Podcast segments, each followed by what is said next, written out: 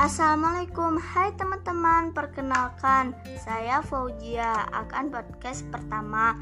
Kebetulan narasumbernya adalah bangku yang bernama Putra yang akan mengupas tuntas tentang kehidupan di pondok. Waalaikumsalam. Ya, kebetulan abang sedang kenaikan kelas selama dua bulan.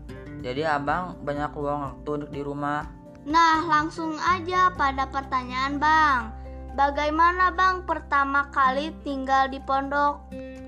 Pertama kali, abang merasa tidak betah dan selalu ingin pulang ke rumah. Kenapa abang ingin pulang?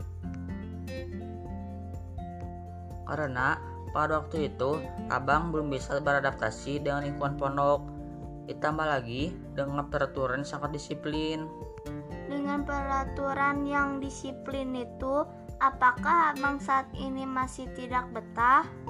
Tidak, bahkan abang saat ini sangat senang tinggal di pondok karena banyak teman-teman yang ber berbeda daerah kumpul bersama di pondok serta bisa saling merangkul apabila ada teman yang tidak betah sehingga kita berasa jadi keluarga kedua setelah keluarga di rumah.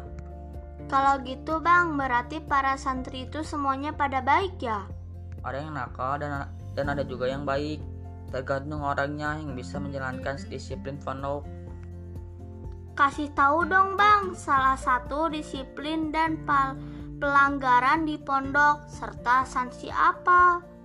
Salah satu disiplin disiplin yang diterapkan pondok adalah sholat berjamaah.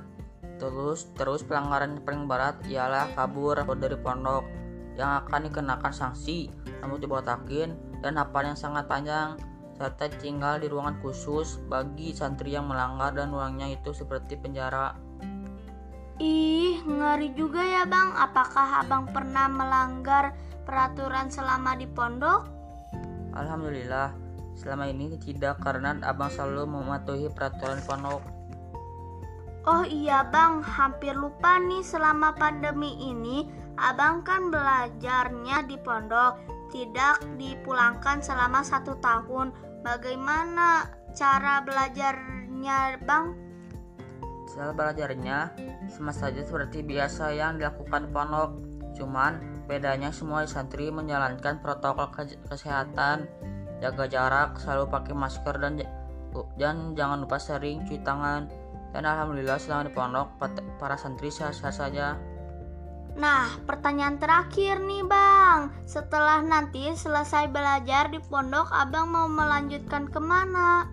Nanti kalau Abang telah selesai belajar selama 7 tahun di pondok Abang akan melanjutkan kuliah UIN Terima kasih banyak ya Bang Atas kesediaan waktu mau diwawancara. Sama-sama Dek. Abang juga senang bisa berbagi kehidupan di pondok pesantren Mudah-mudahan bisa bermanfaat bagi orang yang mendengarkan podcast ini.